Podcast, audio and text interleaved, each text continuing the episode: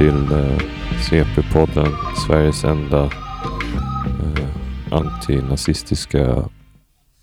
Eh, hej och välkomna till CP-podden, en förlängning av Sveriges enda... Hej och välkomna till... hej och välkomna till CP-podden, en förlängning av Sveriges bokförlag Cycle Press. Precis. Där satt den. Eh, Välkommen eh, hem till mig, Elis. eh, tack. Det känns bra att vara här.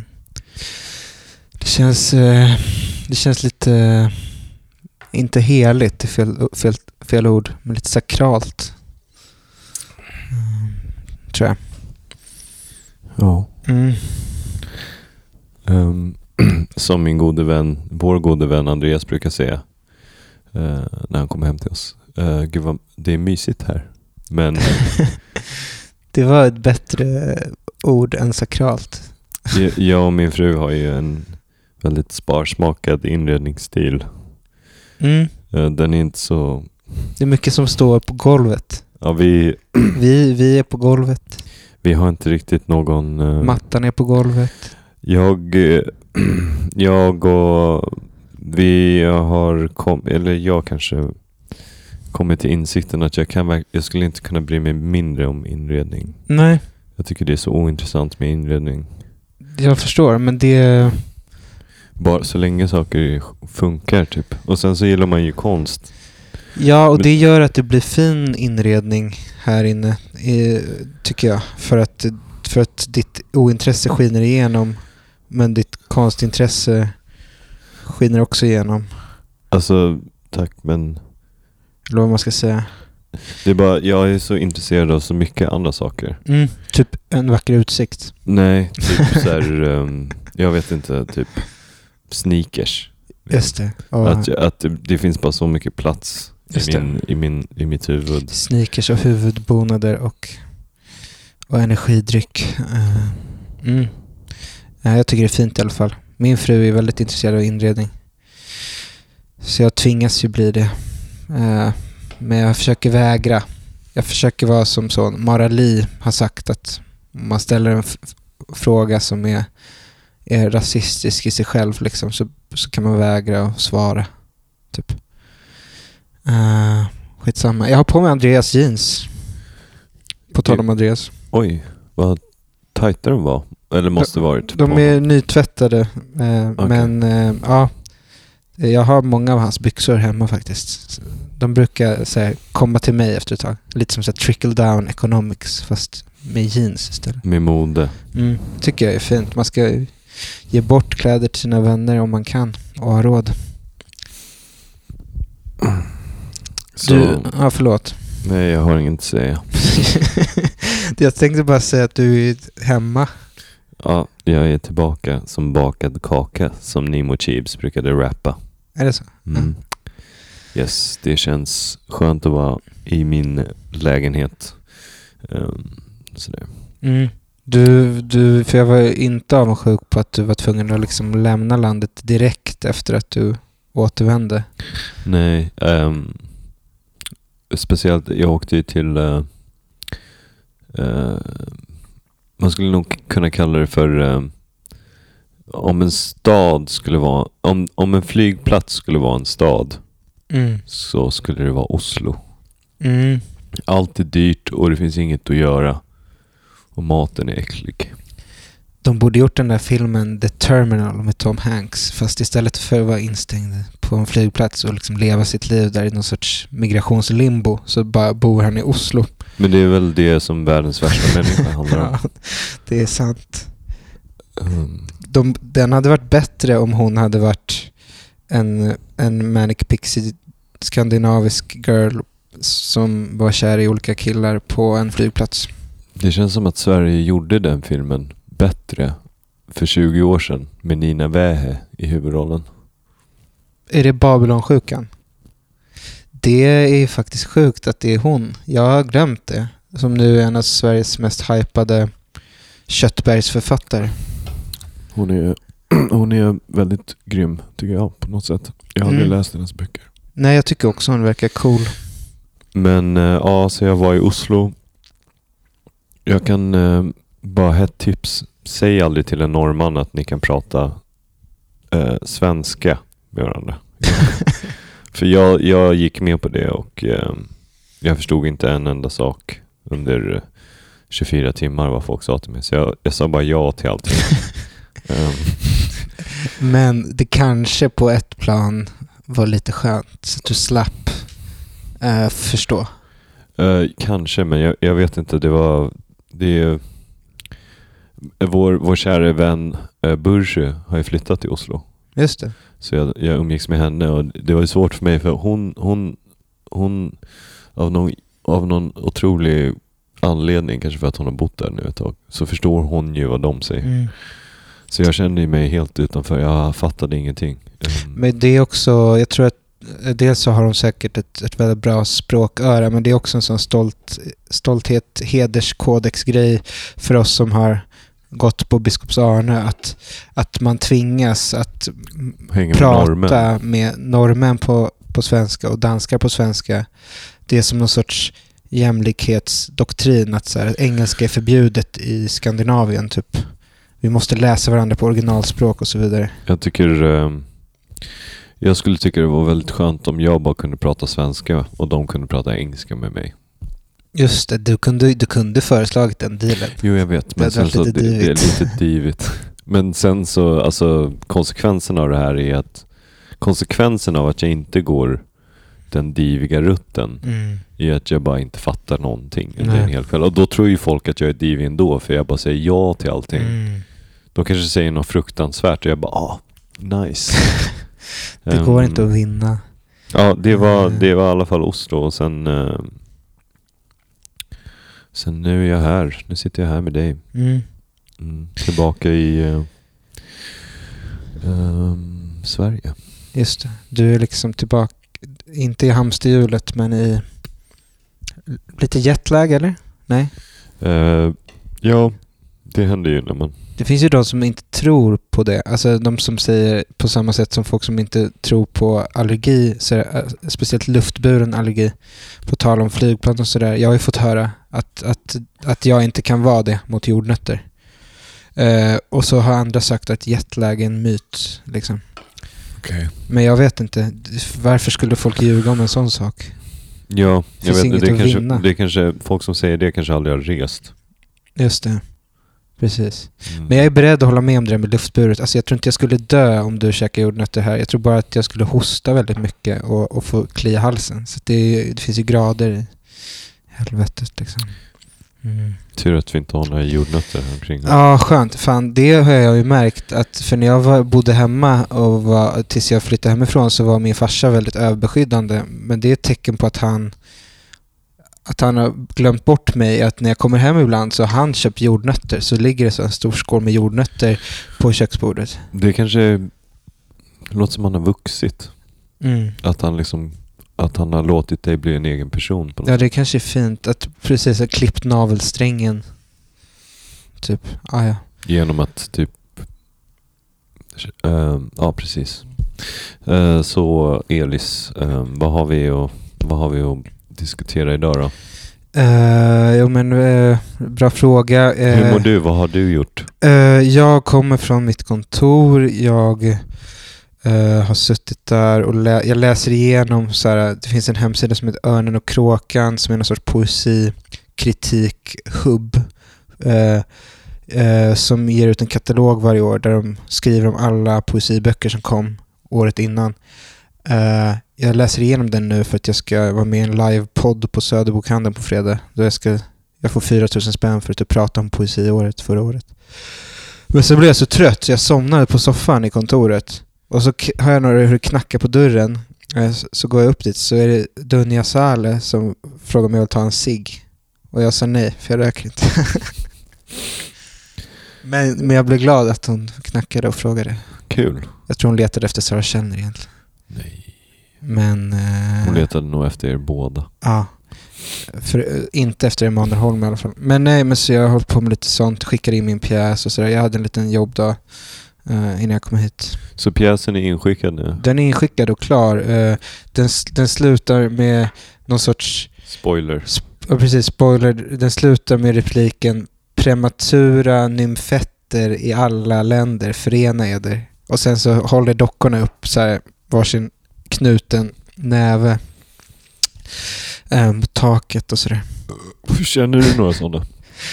Några sådana dockor, eller ja, några prematura ny- nymfetter. Nej, det var något jag hittade på själv. Alltså det, tanken är att du har Lolita typ, fast hon är inte född än, eller hon föds för tidigt. Förstår? Alltså det, det är så ett fos, foster Ja. som, eh, som då föds för tidigt men överlever på grund av den här uppfinningen som kallas kuvös. Jag vill inte förklara mer. Du måste se den här pjäsen för att, för att förstå va, kontext och så vidare. ja. Eh, Det låter jättekul. Eller spänn- Ja, intressant men och spännande. Jag hoppas det blir kul. Eh, Risken här är ju att nu lämnar jag över den till en regissör och några dockmakare. Jag jag har ingen aning om hur de här dockorna kommer se ut. Det är som att du skriver en film och så ska du casta, alltså så är det en blind person som gör castingen typ. Eh, Tänk om de ser exakt ut som du har tänkt dig. Det vore nästan det läskigaste. Ja, eller hur? Men jag vill bara säga nu för att vi, men också så här. Jag vill säga nu ifall Malmö Dockteater hör det här att jag vill inte ha några problematiska dockor när det kommer till, alltså jag vill inte ha någon, någon sorts, eh, Du vill inte ha några problematiska dockor helt enkelt. ja punkt. Det kanske kan leda oss in i, i, eh, i lite av en eh, konversation om uh, Melodifestivalen.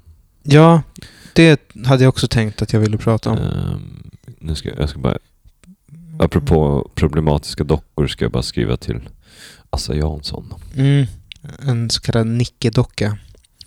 Eh, ja, jag blev riktigt positivt överraskad eh, att du också satt och såg på Melodifestivalen, finalen, eh, så att vi kunde förstöra en, en sorts gruppchatt eh, som annars eh, är fylld av elitister när det kommer till kultur, snobbar och så vidare. Att vi kunde sitta, eh, det var en chilenare var med också, en, men annars känns det som att folk inte gillar Melodifestivalen som spektakel. Det, Jag, eh, jag har, jag har, det är en av de där um, kulturella, um, eh, vad heter det, Eh, institutionerna som jag inte riktigt har tagit del av under mitt liv här som svensk. mm, Så, det är inte förrän jag blev introducerad till typ eh, min fru. mm. Vad konstigt.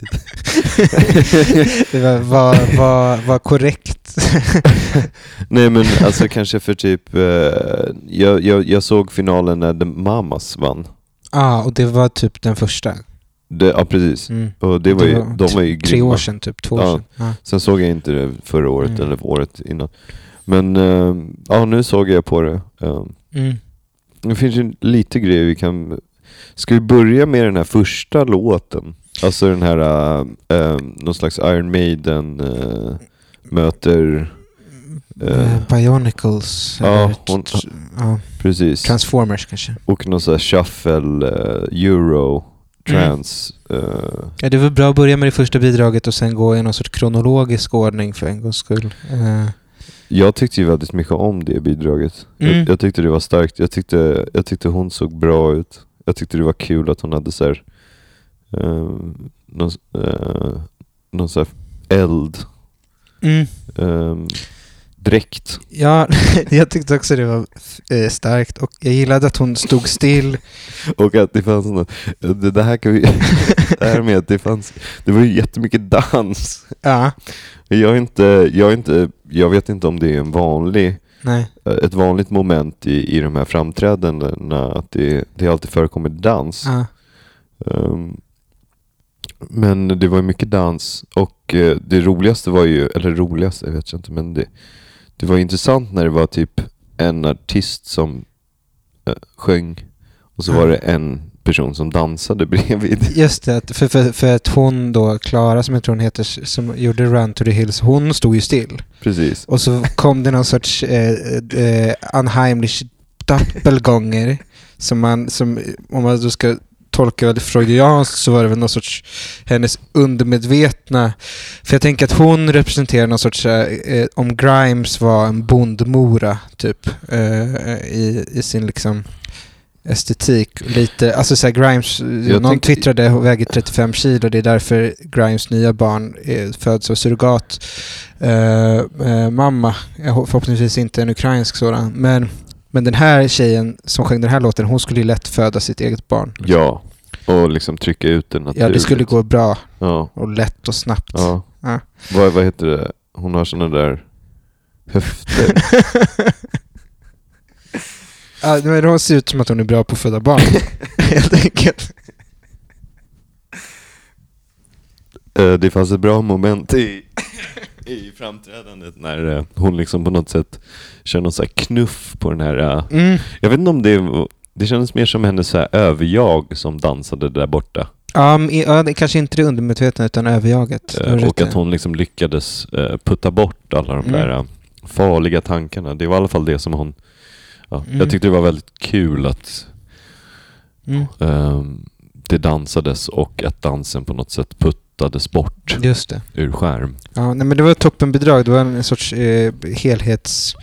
Jag tror att vi Eh, ska konstverk. skippa och prata om varenda bidrag. Jag tror också det. eh, Jag märkte det nu att, att, att man, man får gå dit där det bränns. eh, Precis. eh, Och då kan vi prata om den här, eh, den, här, eh, eh, den här mannen som inte hade några skor på sig.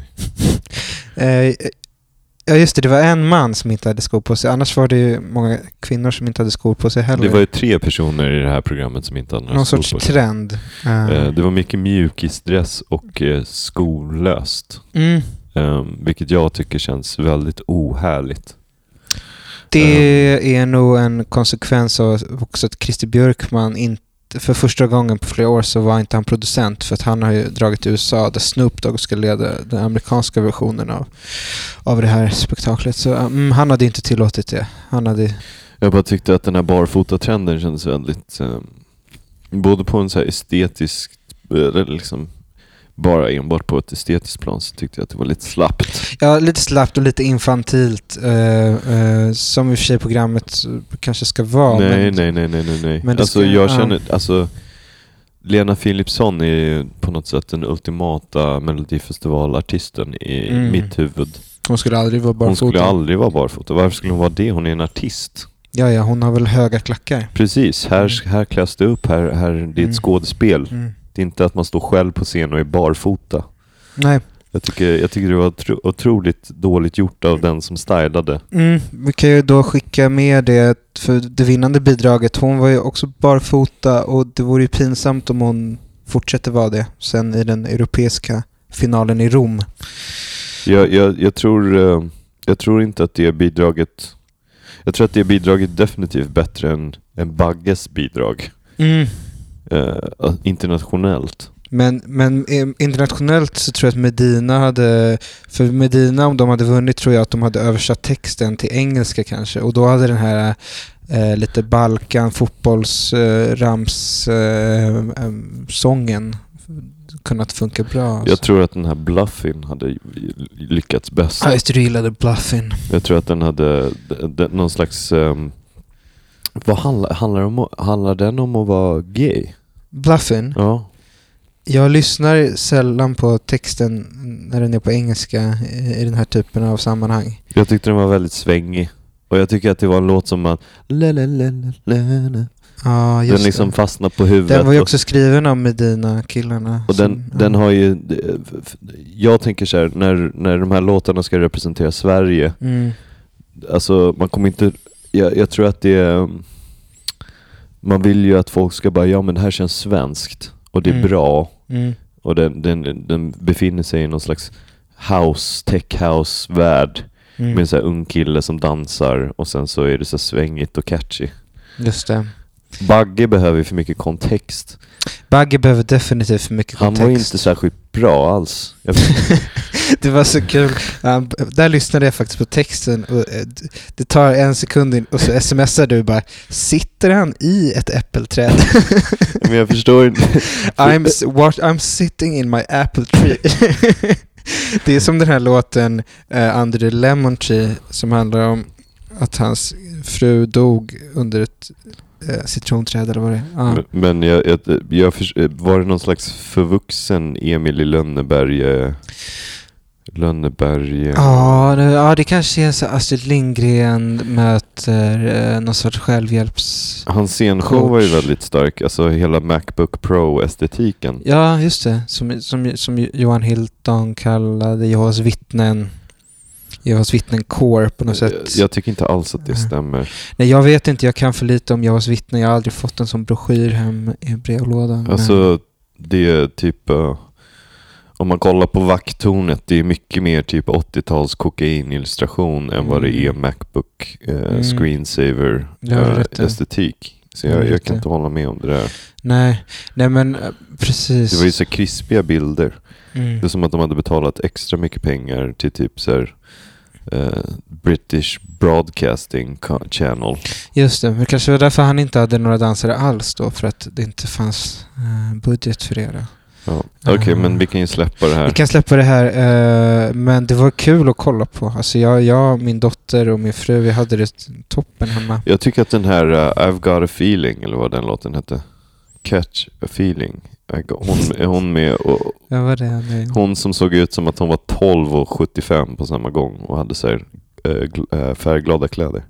Just det, Cassiopeia. Ja, den sorts, var svinbra. någon sorts K-pop-producent. Ja, men eh, den var svinbra.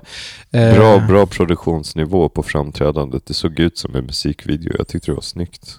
Det var snyggt, men hon såg lite för mycket ut som en förkrympt så här, voodoo-docka-variant av en svensk kulturtant som gillar eh, multikulti. Typ. Men det var nice. Jag tyckte att det kändes för mycket Mejan för sven- svenska folket. Ja, kanske. Inte så mycket multikulti snarare än typ så här PC Music och Daniel Linatti. Okej, ja nej men du, jag, jag hör det, jag hör det. Fan, det hade varit kul, för de har ju så här kommentatorer. Hon som var sämst kan vi ju säga, Ja, eller den som var sämst Ja. förutom Bagge då, Ja. var ju den här hästtjejen. jag gillade henne. Jag tyckte att det var så jävla dåligt. Jag tyckte att hon hade så jävla Och fräck här, hatt på och, sig. och den här så här uh, My Way-låten. Ja, den var inte så bra heller. Den var jättedålig. Eh, men eh, det var mycket beigea kläder. Eh, beige läder. Men jag gillade hatten. Eh, Hatten var ju bra men... Sen var det lite svagt kanske med de här stora produktionerna på två hästar. Ja, det kändes... Eh. Det kändes eh, alltså det var ju liksom så här, går det att bli tydligare med att du är så här, pluggar till läkare och gillar hästar? Det kändes som ett, eh, ett omslag på en så här, amerikansk diktsamling som Modernista ger ut fast där översättningen har, har, har, har liksom slarvats ihop. Eller typ på så här, två veckor. Sincerely Yours 2014. Just det. Ja, men kanske var därför jag gillade det. Jag tror det. Undermedvetet. Svartvita muskel... Det var därför jag gillade Medinas låt också, för att i mi- mitt, mitt huvud så lät det bara som Nordpolens låt, när mitt blod pumpar i dig. Men, det, men de bottnar mycket mer i det, det soundet än vad han gör. Eh, men alla är okej. Ah, ja, Så grattis till Melodifestivalen för Ja. att eh, ha visats på TV ett år igen. en, en kort kommentar om, om liksom pausunderhållningen, eller vad man ska säga. Eh, för du, du har ändå sett det några år, så, du kanske har någon, någon liksom känsla av hur det brukar vara. Men jag tycker det är helt sjukt att vi har kommit till ett, ett moment i vår tid där det här är det största tv-programmet och pausunderhållningen och humorn är alltid självrefererande. Alltså den är alltid meta. Fattar du vad jag menar? Den, det handlar alltid om Melodifestivalen. Det är alltid en programledare som sjunger om att han är programledare för Melodifestivalen och beskriver det han gör just nu. Så det, det finns liksom ingen... Det är som en sluten hermeftisk eh, eh, cirkel, typ. Men det är inte, den, eh, inte det är därför folk kollar. Jo. För den här incestiösa traditionen. Bara, Jo, bara titta på typ så här Medina framträder Mm. men de har också skrivit en låt till en annan artist som Jo. framträder.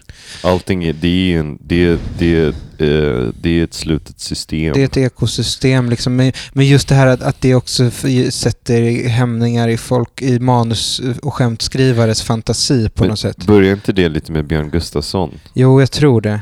Eh, precis, Christian Lok och Björn Gustafsson där.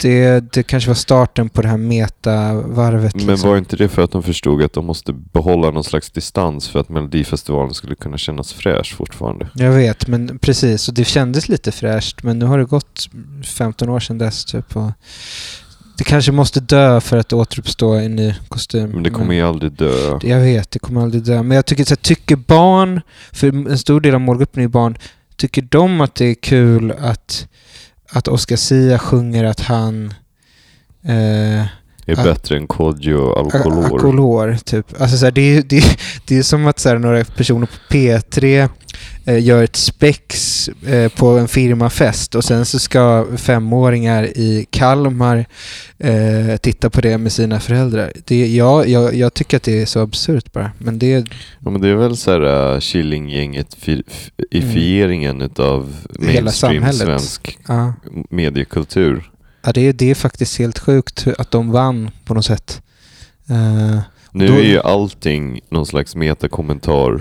ja. Eh, Det kanske nu ironin do, har dött. Eller den kanske dog nu. Eller den kanske är i en, någon sorts koma. För det finns ju en sån konversation. Ja, ja. förlåt. Nej, men jag trodde att ironin, det, det gängse bilden i Sverige är att ironin dog typ när fucking Åmål kom i slutet av 90-talet. Och att då tog 90-talet slut och det, det blev inne med någon typ av så här hjärta och smärta. Alexander Dahlström vill knarka liksom grej och typ lyssna på Kent. eh, Kent och eh, I wanna know what love is, typ, utan att skämmas för det. Eh, men det kanske inte var ironin som dog då, utan den kanske bara svimmade.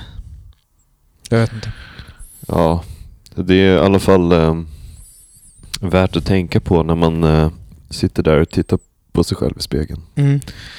Ehm, Ja, Mm. så eh, jag eh, ser inte fram emot Eurovision. Men ehm, det, det, det, det är nog många som gör. Det var någon som skrev det, vet inte vem, men det kommer ju tyvärr bli så att, att eh, Ukraina kommer ju vinna.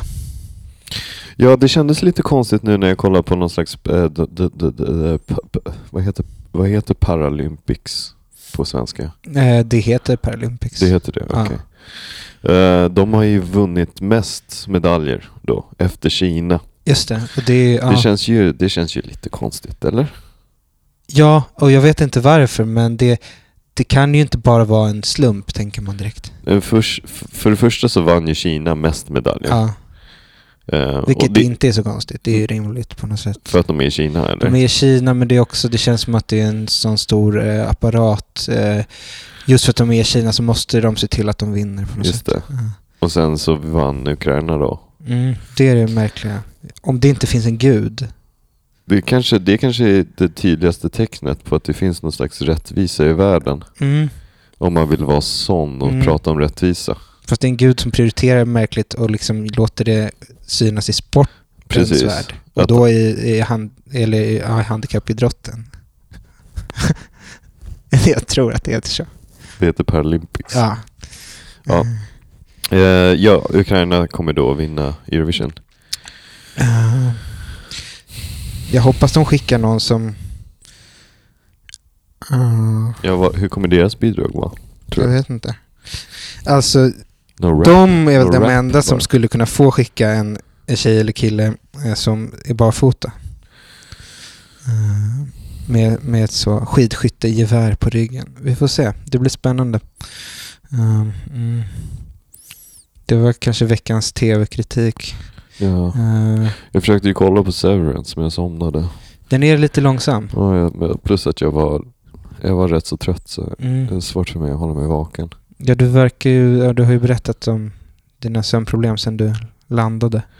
Eh, men den är lite långsam. Det, men jag, jag gillar det tror jag. Men det är mycket äh, gå i vita korridorer. Det hade, inte, det hade fallit platt om inte skådespelarna hade varit äh, så pass karismatiska. För jag tycker att John Turturros ögon, jag skulle kunna titta på dem i så här 20 timmar typ. Äh, om det var helt okej soundtrack. Mm. Han är ju kär i Christopher Walken, det är väldigt gulligt. Eh, Men spoila inte nu. Ja, förlåt. Eh, vi får se vad som händer med den kärlekshistorien. Eh, jag, vet vad jag kollade på efter att Melodifestivalen var slut? För då drog min fru ut för första gången och jag var själv med min dotter. La henne, vi la henne så att hon somnade. Och så tittade jag på Netflix och en ny lång dokumentärserie om eh, Andy Warhol. Vilket kändes pass- gött. Eh, har du sett den? Nej. Mm. Det är, det är typ The Diaries of Andy Warhol. Eh, vilket har fått kritik för att ett, eh, Andy Warhol skrev aldrig några dagböcker och två, de använder en berättarröst som ska vara en artificiell sorts Andy Warhol. Jag har någon Så- sån här AI-grej. Som de gjorde med den här kocken. Vad heter han? Anthony Bourdain. Ja, det fick ju också kritik. Eh, men jag tror att Andy Warhol är väl någon eh, som hade uppskattat peppad, det här. ja. Eh, för tydligen ringde han en journalist typ dagligen i några år och hon skrev ner allt han sa. Och sen när han hade dött precis gav hon ut det och kallade det för Andy Warhols dagböcker. Liksom. Eh, så det bygger på dem. Men de har fått med många feta personer som pratar och, och, och, och det var ju perf- perfekt eh, underhållning. De fokuserar mycket på hans eh, liksom eh, anorexia och, och hans killar och sånt som han inte ville prata om själv. Så han kanske skulle hatat det i och för sig. Han sa ju att han var asexuell hela tiden. Just det. Han, eh, han var ingen, eh, han gick inte bräschen för, för hbtq-kampen för att han hatade politik. Liksom. Eh, men det är en tips. Ett tips. Mm. Jag tycker att det är en... Jag tycker det är, det är så... Det är så synd att vi föddes in i en tid där man inte fick hata politik. Mm. Det är så fruktansvärt tråkigt.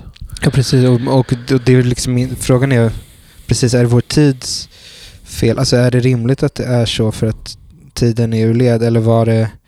Tiden var ju, det var ju lika många krig och, och katastrofer på 60-talet, liksom, om inte mer. Jag vet inte. Eller är det för att vi för att vi närmar oss, vi vet att vi närmar oss någon sorts eh, kollaps, apokalyps som man tvingas att ta ställning. Jag tror att det. Jag tror att det vi får se hela tiden, det, det är någon sån otrolig kåthet inför den så kallade domedagen. Mm. Det känns som alla bara så här vill eh, avfyra någon slags kåt raket. Just det. Den Ja. ultimata politiska ställningstagandet som Jag, bara, jag, jag förstår inte riktigt hur alla... Jag förstår inte riktigt. Bara så här, folk typ så här, kollar på Don't Look Up för 50 miljonande gången och sen så kollar de på nyheterna och bara, ja det händer på riktigt. Mm. Det känns så, så jävla... mm, Också incestiöst. Eh, apropå någon slags metakommentar. Mm. Eh, därför är lite Adam McKay, han känns ju väldigt mycket som regissören av vår tid. Mm, han, han blev det. Det här, det här med att ständigt liksom bryta den fjärde väggen och, och, och göra det på ett humoröst sätt samtidigt som man pratar om domedagen. Det, det känns otroligt osexigt och Mm. det känns inte alls så här informativt eller, eller som att det bidrar. Konstnär, vad är den konstnärliga meriten i att, att, att kommentera så? Jag fattar den inte. Nej. Nej, det är så synd. Men det är väl också... Det var, vi stod i ett vägskäl där, där det känns som att eh, typ Charlie Kaufman kunde lika gärna blivit vår tids eh, regissör. För han, kunde, han byter den fjärde väggen och gör något konstigt som man inte förstår. Men Adam McKay bry- bryter den fjärde väggen för att skriva dig på näsan med en infographic. Liksom. Precis. Så det är ju lite trist. eh, Men man får den kult- kultur man förtjänar kanske, jag antar det. Men det är så deppigt att tänka så för att jag tycker att alla människor är lika mycket värda och förtjänar bättre kultur. Ja, alltså det, det känns ju som att det... Jag kollade ju på den här Marvel-filmen eh, The Eternals Mm. och något av det mest, uh, alltså så här, manusmässigt mest ambitiösa Mm. jag har sett. Men det, var ju, det går ju all, absolut inte att återberätta. Nej. Och det var ju helt meningslöst.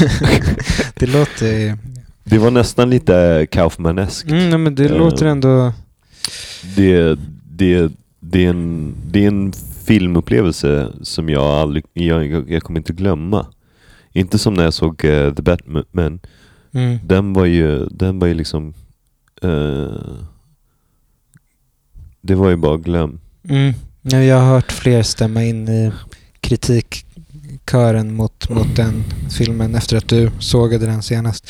Så, så eh, min, min pepp har falnat lite. Men The Eternals, det låter lite som Marvel-varianten av den svenska poeten Lars Mikael Rattama. Han har stora dreads. Han skriver ju böcker som jag inte kan förklara för dig just nu. Men det är som, tänk dig typ Oceans Eleven möter Mm. Cloud Atlas. Bandet? Nej, filmen som Filmen. eh, Wachowski-syskonen Ja, ja, ja. gjorde. Okej, ja, ja, ja. Möter The Avengers. Mm. eh, möter eh, eh, typ BLM. Ja, jag försöker tänka mig det. Det är, Eh, det är en otrolig... Jag tror att vi kommer ko- kolla tillbaka på den filmen och tänka så här. Det här hände. det här hände. Det här, var, det här var möjligt att pitcha in och få stor budget för. Ett sorts clusterfuck. Ett Ja, nystan. Det var, det var, det var sanslöst förvirrande. Mm. Eh, trots att man förstod allting. Mm. Det var konstigt. Eh, det, det, det var lite som att vakna upp uh, bakfull och se sig själv i spegeln och känna igen den man ser men känna sig otroligt förvirrad. Mm. Mm. Ja, Om shit. det, om det är en bra Var, men det var ändå ett bra val av flygplansfilm kanske. Um, ja, var det en bra flight? ah, det var en fruktansvärd flight. Hur var stämningen nu? För att jag har inte, man har inte flugit och så sen pandemin såklart. Hur beter sig folk på flygplan? De vet ju inte hur de ska bete sig. Nej. Det, är, alltså, det var en man som satt framför mig. Han såg ut som typ någon slags armensk eh, bilförsäljare som bor i LA. Mm. Eh, fast under 80-talet. Han Mm. hade på sig någon slags windbreaker um, polyesterjacka från Puma och en sån här fanny pack runt midjan. Och så var han flintis men hade håret, det lilla håret han hade, hade han så bakslickat så man såg den här. Mm. Och han var typ två meter lång och en och en halv meter bred. Han var en eh, stor man. Mm. Han satt framför mig Mm. och jag, jag såg bara hans kala, fjuniga skalle. ehm, Som att sitta, Torna som att sitta bakom. Jared Leto i House of Gucci eller någonting. Fast Ja. större. precis, och sen så typ... ehm, alltså det första han gör när han sätter sig är att luta sig tillbaks. Alltså Mm. så långt det går. Ehm, och det här pågår under hela flyget. Under, under, en, Mm. under ett delmoment så lägger han sig uh, raklång då. Mm. Eh, för han har ju såklart uh, tomma säten bredvid sig. Det är så... Det är, Men det är så man måste jobba. Um, Medan jag och Linn, så, och Linn, Linn blir helt chockad över, Mm. för hon hör ju bara mig klaga när jag kommer hem Mm. eh, från mina olika resor. Mm. Um, och hon tror, hon bara, nu, nu du överdriver. Men jag, jag är som någon slags magnet eh, för, eh, för de här... eh, Om det inte är de här eh, armenska männen så är det vår drottning, drottning Silvia Precis. och hennes livvakter Ja. som får dig att börja gråta. Och Linn liksom sitter där helt chockad att hon, hon är med och bevittnar det här i realtid. Att det faktiskt händer. Skönt att få ett vittne ändå. Och eh, Linn blir liksom sur om mina vägnar. Jag bara, det finns inget vi kan göra. Den här mannen är vuxen. Han kommer inte ändra på sitt beteende Nej. bara för att vi säger ifrån. Ah. Och under ett moment då under flygningen så lägger han sig raklång och liksom på något sätt lyckas trycka bak båda stolarna. Liksom helt... Både jag och Linn. Ehm, och det slutar med att jag så här lutar, vi är kanske inne på sjunde timmen och alla ligger och sover och han ligger bara med huvudet ut mot gången. och, jag, och jag på något sätt trycker huvudet mot stolen för jag är bara, jag klarar inte av det här. Och vem klagar om inte honom? Han vänder sig om och bara, ursäkta, och då säger jag bara så här: what the fuck dude? Vad håller du på med? Och så håller vi nästan på att börja bråka. Eh, men som Ah. tur är vi båda för trötta för att Shit. aktivt um, ingå något slags våldsamt äktenskap där på flygplanet. Så ja, den resan var fruktansvärd. Och sen så bakom oss satt det två så här Valley Girls från LA som bara... Alltså det här var det de pratade om. De pratade om New York kontra LA. Mm. De pratade om pandemin. Mm. Och de pratade om Black Lives Matter. Och de var båda så vita Valley Girls. Mm. Så du kunde Ehm, inte ens blunda och så låtsas att det var en, en, en podcast av, av två it-girls med bra vocal fry. Nej, det var... Det var jag, jag kände mig väldigt trängd. Mm, jag förstår. Det här leder ju mig till att undra om du då, för jag, om jag hade varit i ditt ställe här hade jag ju brutit min fasta och beställt in en stor drink. Just det, nej jag drack ingenting på flyget. Nej, starkt. Um, Linn drack. Bra. Eh, nej, jag... eh, jag motstod alla frestelserna. Ser fram emot att, att dricka med din fru snart. Eh, vad, men däremot kom du hem med många sådana små saker som jag inte vet vad de heter, som är en, som någon sorts isglass fast cigaretter. Eh, jag skojar, men Ja, vad de här. kallas de? Det, det, det är eh, senaste, ny, eh, senaste nymodigheterna från Mm. Los Angeles via Kina, Okej. via Florida. Eh, det heter Flume. Det är någon sorts e- e-cigg fast... Ja. Den där smakar rosvatten. Ja. Jo men det är väl helt okej. Jag kom hem med två styck- stycken. Jag Mm. borde ta, köpt mer. Ja, så Mm. det var sammanfattningen av, av, av, av min resa. Mm. Ehm, jag Just vet det. inte om det är så intressant. Nej, men li, lite... Jag kan tycka att det är lite härligt med anekdoter från det riktiga livet. Eh, livet på resande fot. Eh, mm. Du kom ju in och överraskade. Jag stod ju på 90 Gritty i fredags med min dotter eftersom 90 Gritty butiken då, klädbutiken har blivit någon sorts eh, eh, fritidsgård där små bebisar kan gå in och lyssna på balearisk musik va? Eh, och, och dansa eh, bland dyra Stone Island-tröjor. Så kom du in där eh, som ett yrväder och, och överraskade. Det var fint. Eh, Yrväder. Ja. ett apatiskt yrväder. Mm. Eh, nej, men det var precis innan du skulle till Oslo så jag förstår att stämningen var på topp. Eh, men, men ja, jag har varit väldigt mycket på 90 Gritty senaste tiden. Det är roligt. Jag, jag fick ju träffa min frisör första gången på över ett år. Ja, du sken upp alltså. Ja, hon är ju ja, fantastisk.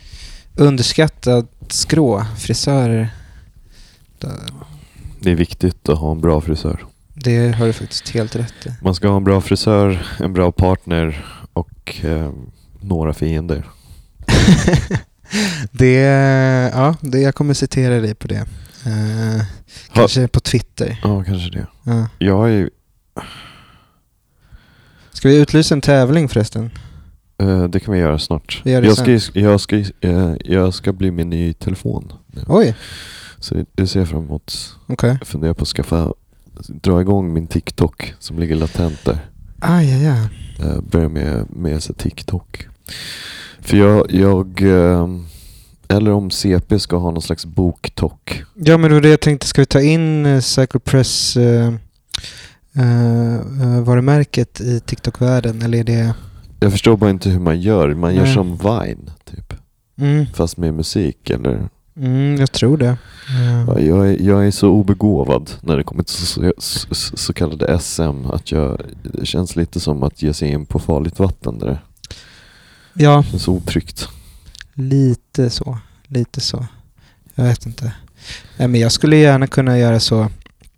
Eh, TikTok-recensioner av Gabriel Ytkers Snapps senaste diktsamling eh, Munnen till himlen, tången till hjärtat och sånt. Jaha, den kom inte ut Eh, den, det är den som kom för ett år sedan. för ett år sedan? Ja, okej. men jag satt och läste den idag. ja. Just inför den här livepodden jag ska med. Jag tänkte höja den som en av fjolårets bästa diktsamlingar för att jag tycker att den är det. Det är som en så perfekt pappa pappabok. Uh, Han är men, väldigt bra på att skriva Ja. om föräldraskap. ja, han, eh, han, Gabriel Isker Snapp skriver ju, alltså han gör, för det finns en genre med folk som typ skriver lustiga saker som deras barn säger och kanske twittrar det som är ganska cringe och pinsam genre. Det är lite som den där kvinnan som skrev det hon överhörde på baren. Exakt. Men Gabriel kan göra det och, och springa in det i en, i en dikt där han har citerat så här Gamla Testamentet och dödat två flugor och sen kanske hans barn säger någonting och det blir inte patetiskt eller pinsamt utan bara eh, så här väldigt vackert. Eh, Det är väl för att det, det, det är en del av idén. Det är inte idén, kanske. Ja, precis. Det, det, det är inte det enda konceptet utan det är bara liksom kommer i förbifarten. Det är ju oftast de bästa dikterna som jag tycker är finast. Det är ju de som inte känns konstruerade eh, i en poäng eller en punchline. Så, så är det väl med humor också. Det är väl därför stand-up är så dåligt. Eh, Ja, stand-up är fruktansvärt. mm, nu har du ju kommit hem till Sverige och här, det är, alla håller på med stand-up här. Det är så jävla pinsamt. Det är någon sorts inflation. Jag är glad att jag körde min lilla sväng där i höstas, men jag, det var ett nyårslöfte att jag ska aldrig, aldrig mer kalla det jag gör för stand-up. Nej, det, det, det, det ska du inte göra. Nej.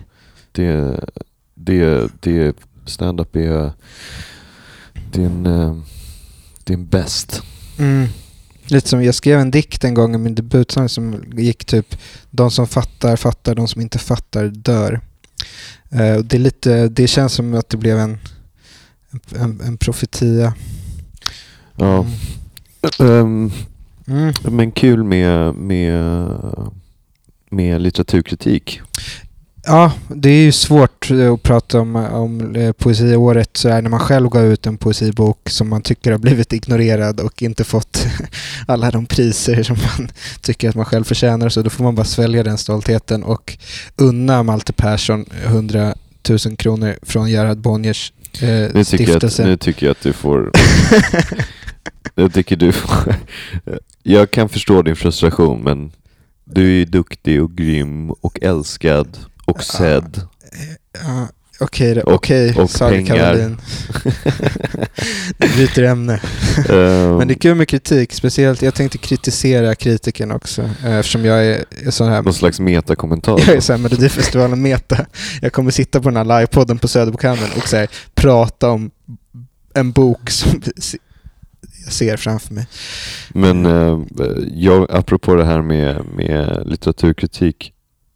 Den här, det här magasinet eller vad fan det är som, som, som jag skickade en av samlingen till i Lund. Ordkonst. De får fan ta och skriva om den här jävla samlingen. Eller så skickar jag en faktura. För att det här är inte okej. så. Nej men det är inte Det här är okej. inte välgörenhet. Alltså, det är inte okej. Nej, det värsta som kanske kan ha hänt är att någon redaktör på Ordkonst eh, tog boken och sålde den på bokbörsen och sen åkte in till fregatten och drack eh, fem bärs. Jag, jag, har, jag ska ge dem lite, två alternativ här. Som någon slags... Antingen skickar ni tillbaks boken till avsändaradress. Eller så, jag, så fakturerar så skickar ni fakturera information. Eller så skriver ni om den. Nej, nu har det gått för långt. Jaha, är det för sent? Det är för sent nu. Jag tror att det är stor chans att någon som lyssnar på det här känner någon som jobbar med ordkonst. Eh, det är en liten värld. De brukar be mig om texter ibland. Jag publicerar mig där ibland. Jag tycker att eh, de gör mycket bra grejer. Men, men, men det finns ju någonting som heter, eh, vad ska man kalla det, heder. Ja. Chivalry som man skulle sagt på medeltiden. Ja, någon sorts ridderligt ideal som även eh, mikrotidskrifter för, för opublicerade texter ska jobba enligt. Ja, jag håller med. En fatwa mot ordkonst i vardande. Eh, jag ska ju ner till Malmö snart och sen ska jag till Köpenhamn. Eh, ska jag, på tal om du, du i Oslo. Vad ska jag ha för approach till danskarna när jag ska ner med min bok? Där ska jag prata svenska eller ska jag köra allt på engelska? Kör allt på engelska, det är jättebra. Ja. ja men jag kanske ska göra det. Du håller ju ändå på med språk. Mm. Jag tänker att det kanske är viktigt att förstå vad folk säger till dig. Mm. Ja men det är bra att du, för jag är lite för artig liksom. Jag vågar inte ens be killen i Lillehornets galleria att värma min kycklingpirog liksom. Jag äter den kall. Men jag kanske ska prata engelska. Du förtjänar en varm pirog och engelska i örat. Mm. Mm. Om du inte nu av någon sjuk anledning förstår vad de säger där i Danmark. Men det dumma är att jag förstår ju mina danska eh, kompisar, för att, men det är ju för att sen får jag höra att de har ju suttit och pratat svenska. Och jag har det. ju trott att de pratar Jag danska. vet. Ja. Jag vet, när de säger att de pratar svenska, det, Ja. Och då förstår man typ. Ja, typ. Ja. Men, men det är som min fru när vi var i Malmö förra gången. Så jag började- förstår ju knappt vad de säger. Nej men hon, hon, han i hotellreceptionen började prata perfekt så här, skånska och hon började prata engelska med honom för att hon trodde att han pratade ett annat språk. tycker jag. Det var en sak som jag kom på där under uh, Melodifestivalen. Att om man tittar enbart på SVT så skulle man tro att alla i Sverige pratar skånska. Visst är det lite så? Jag förstår Mm. inte vad som har hänt. Nej, det är, eh, det är kanske också en del av eller det talar emot kanske Killinggänget. Killinggänget-ifieringen. Eller Killinget blev... De tog det på allvar. Just det. deras, deras dialekter. Just det, vår, vår hegemonik, eh, populärkultur nu är, är att så här, det satt lantisar ute utanför Stockholm och kollade på Killinggänget och förstod inte ironin. Och nu gör de samma sak, fast på skånska. Och det är därför vår, vår eh, fredagsunderhållning ser ut som den gör. Det är en bra teori. Eh, jag tycker den är vattentät. Så vi har en liten tävling här. Eller jag vet inte om det är så mycket en tävling. Men eh, jag har fått uh, massa böcker av John Lindsay. eh, som är svåra att få tag på i Sverige. Har jag hört. Mm, inte ens i- Jeff Bezos kan skicka en till dig. Så ja, vi har, vi har två, två, två exemplar av eh, hans debutroman Body High att ge bort till någon lycklig person. Jag har inte riktigt kommit på hur, hur vi ska göra det här. Eh, på, på, om vi ska göra det på ett sätt som känns eh, eh, rättvist eller på ett sätt som känns extremt godtyckligt. Jag tycker vi går den godtyckliga vägen. Ja. Eh, Rättvisa är alltid så himla komplicerat. mm. Man kanske ska på något sätt kontakta Cycle Press eh, via Discorden eller eh, Instagram eh, eh, och visa intresse för, för den här eh, moderna klassikern. Precis, skriv, skriv någonting till oss någonstans och så, så väljer vi ut någon, Mm. två stycken personer som Bli inte ledsna om vi eh, inte svarar på de som in, inte fick den. Så, eh, så vi betalar frakt och allting. Ja, ja, ja det är en sorts välgörenhet. Det är någon slags present här. Mm. Eh, var inte orolig. Ludvig, det kommer få din bok. Eh, det är också en sorts eh, eh, arbetarroman på, på ett sätt. Jag ska inte spoila den nu, det har vi gjort tidigare. Men eh, mm, kul. Så vad ser vi fram emot? S- s- samma dag som det här kommer så har Sara Källner release för sin nya bok En ny gud. Jag har börjat läsa den. Den, den är härlig att vara i. Eh, Som typ- en bubbelpool. Vad sa du? Som en bubbelpool. Som en bubbelpool, precis. Fast uh, tänkte att Lars von Trier skriver om eh, en rik familj på ett gods där det hänger hjorthuvuden på väggarna. Det är ju toppen. Eh, så det, den kommer. Det, det ser jag fram emot att få fira den med Sara. Eh, mm. Nå- något annat? Vad, hur ser månaden ut, veckorna ut för dig? Ja, jag gör. Jag ska, jag ska börja meditera. Är det så?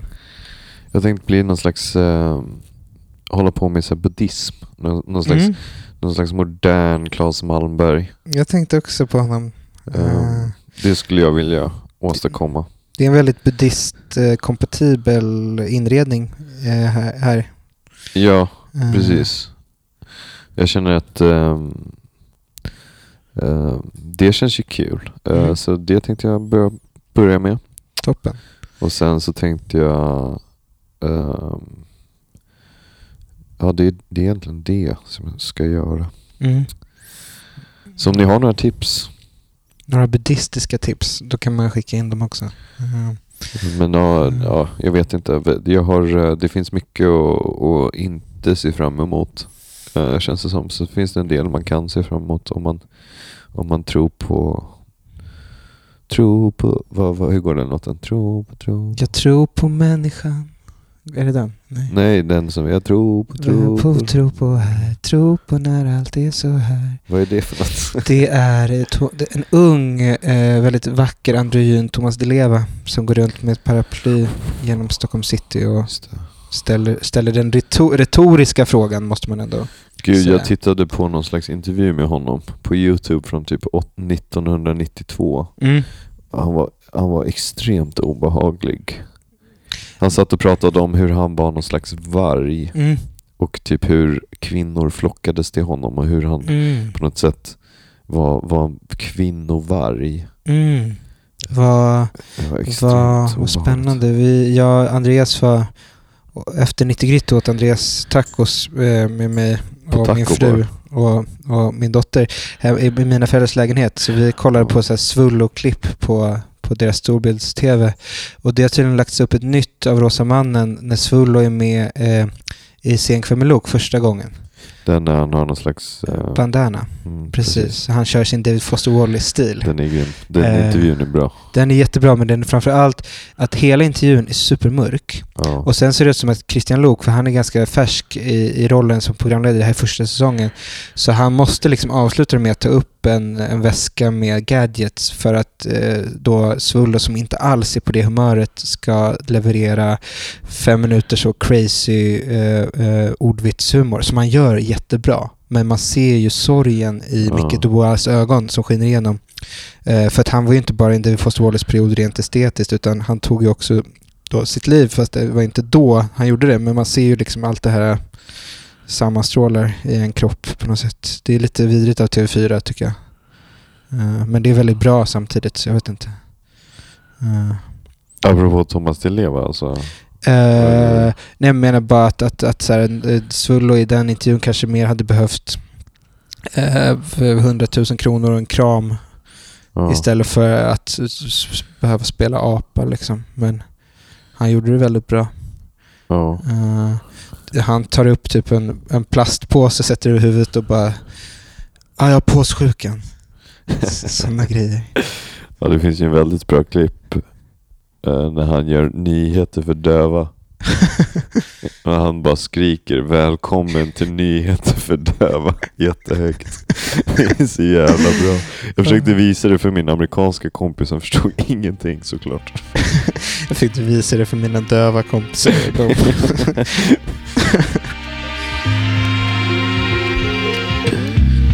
Nej men det...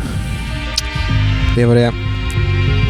Ja, då, då, då säger vi tack och hej. Tack och hej.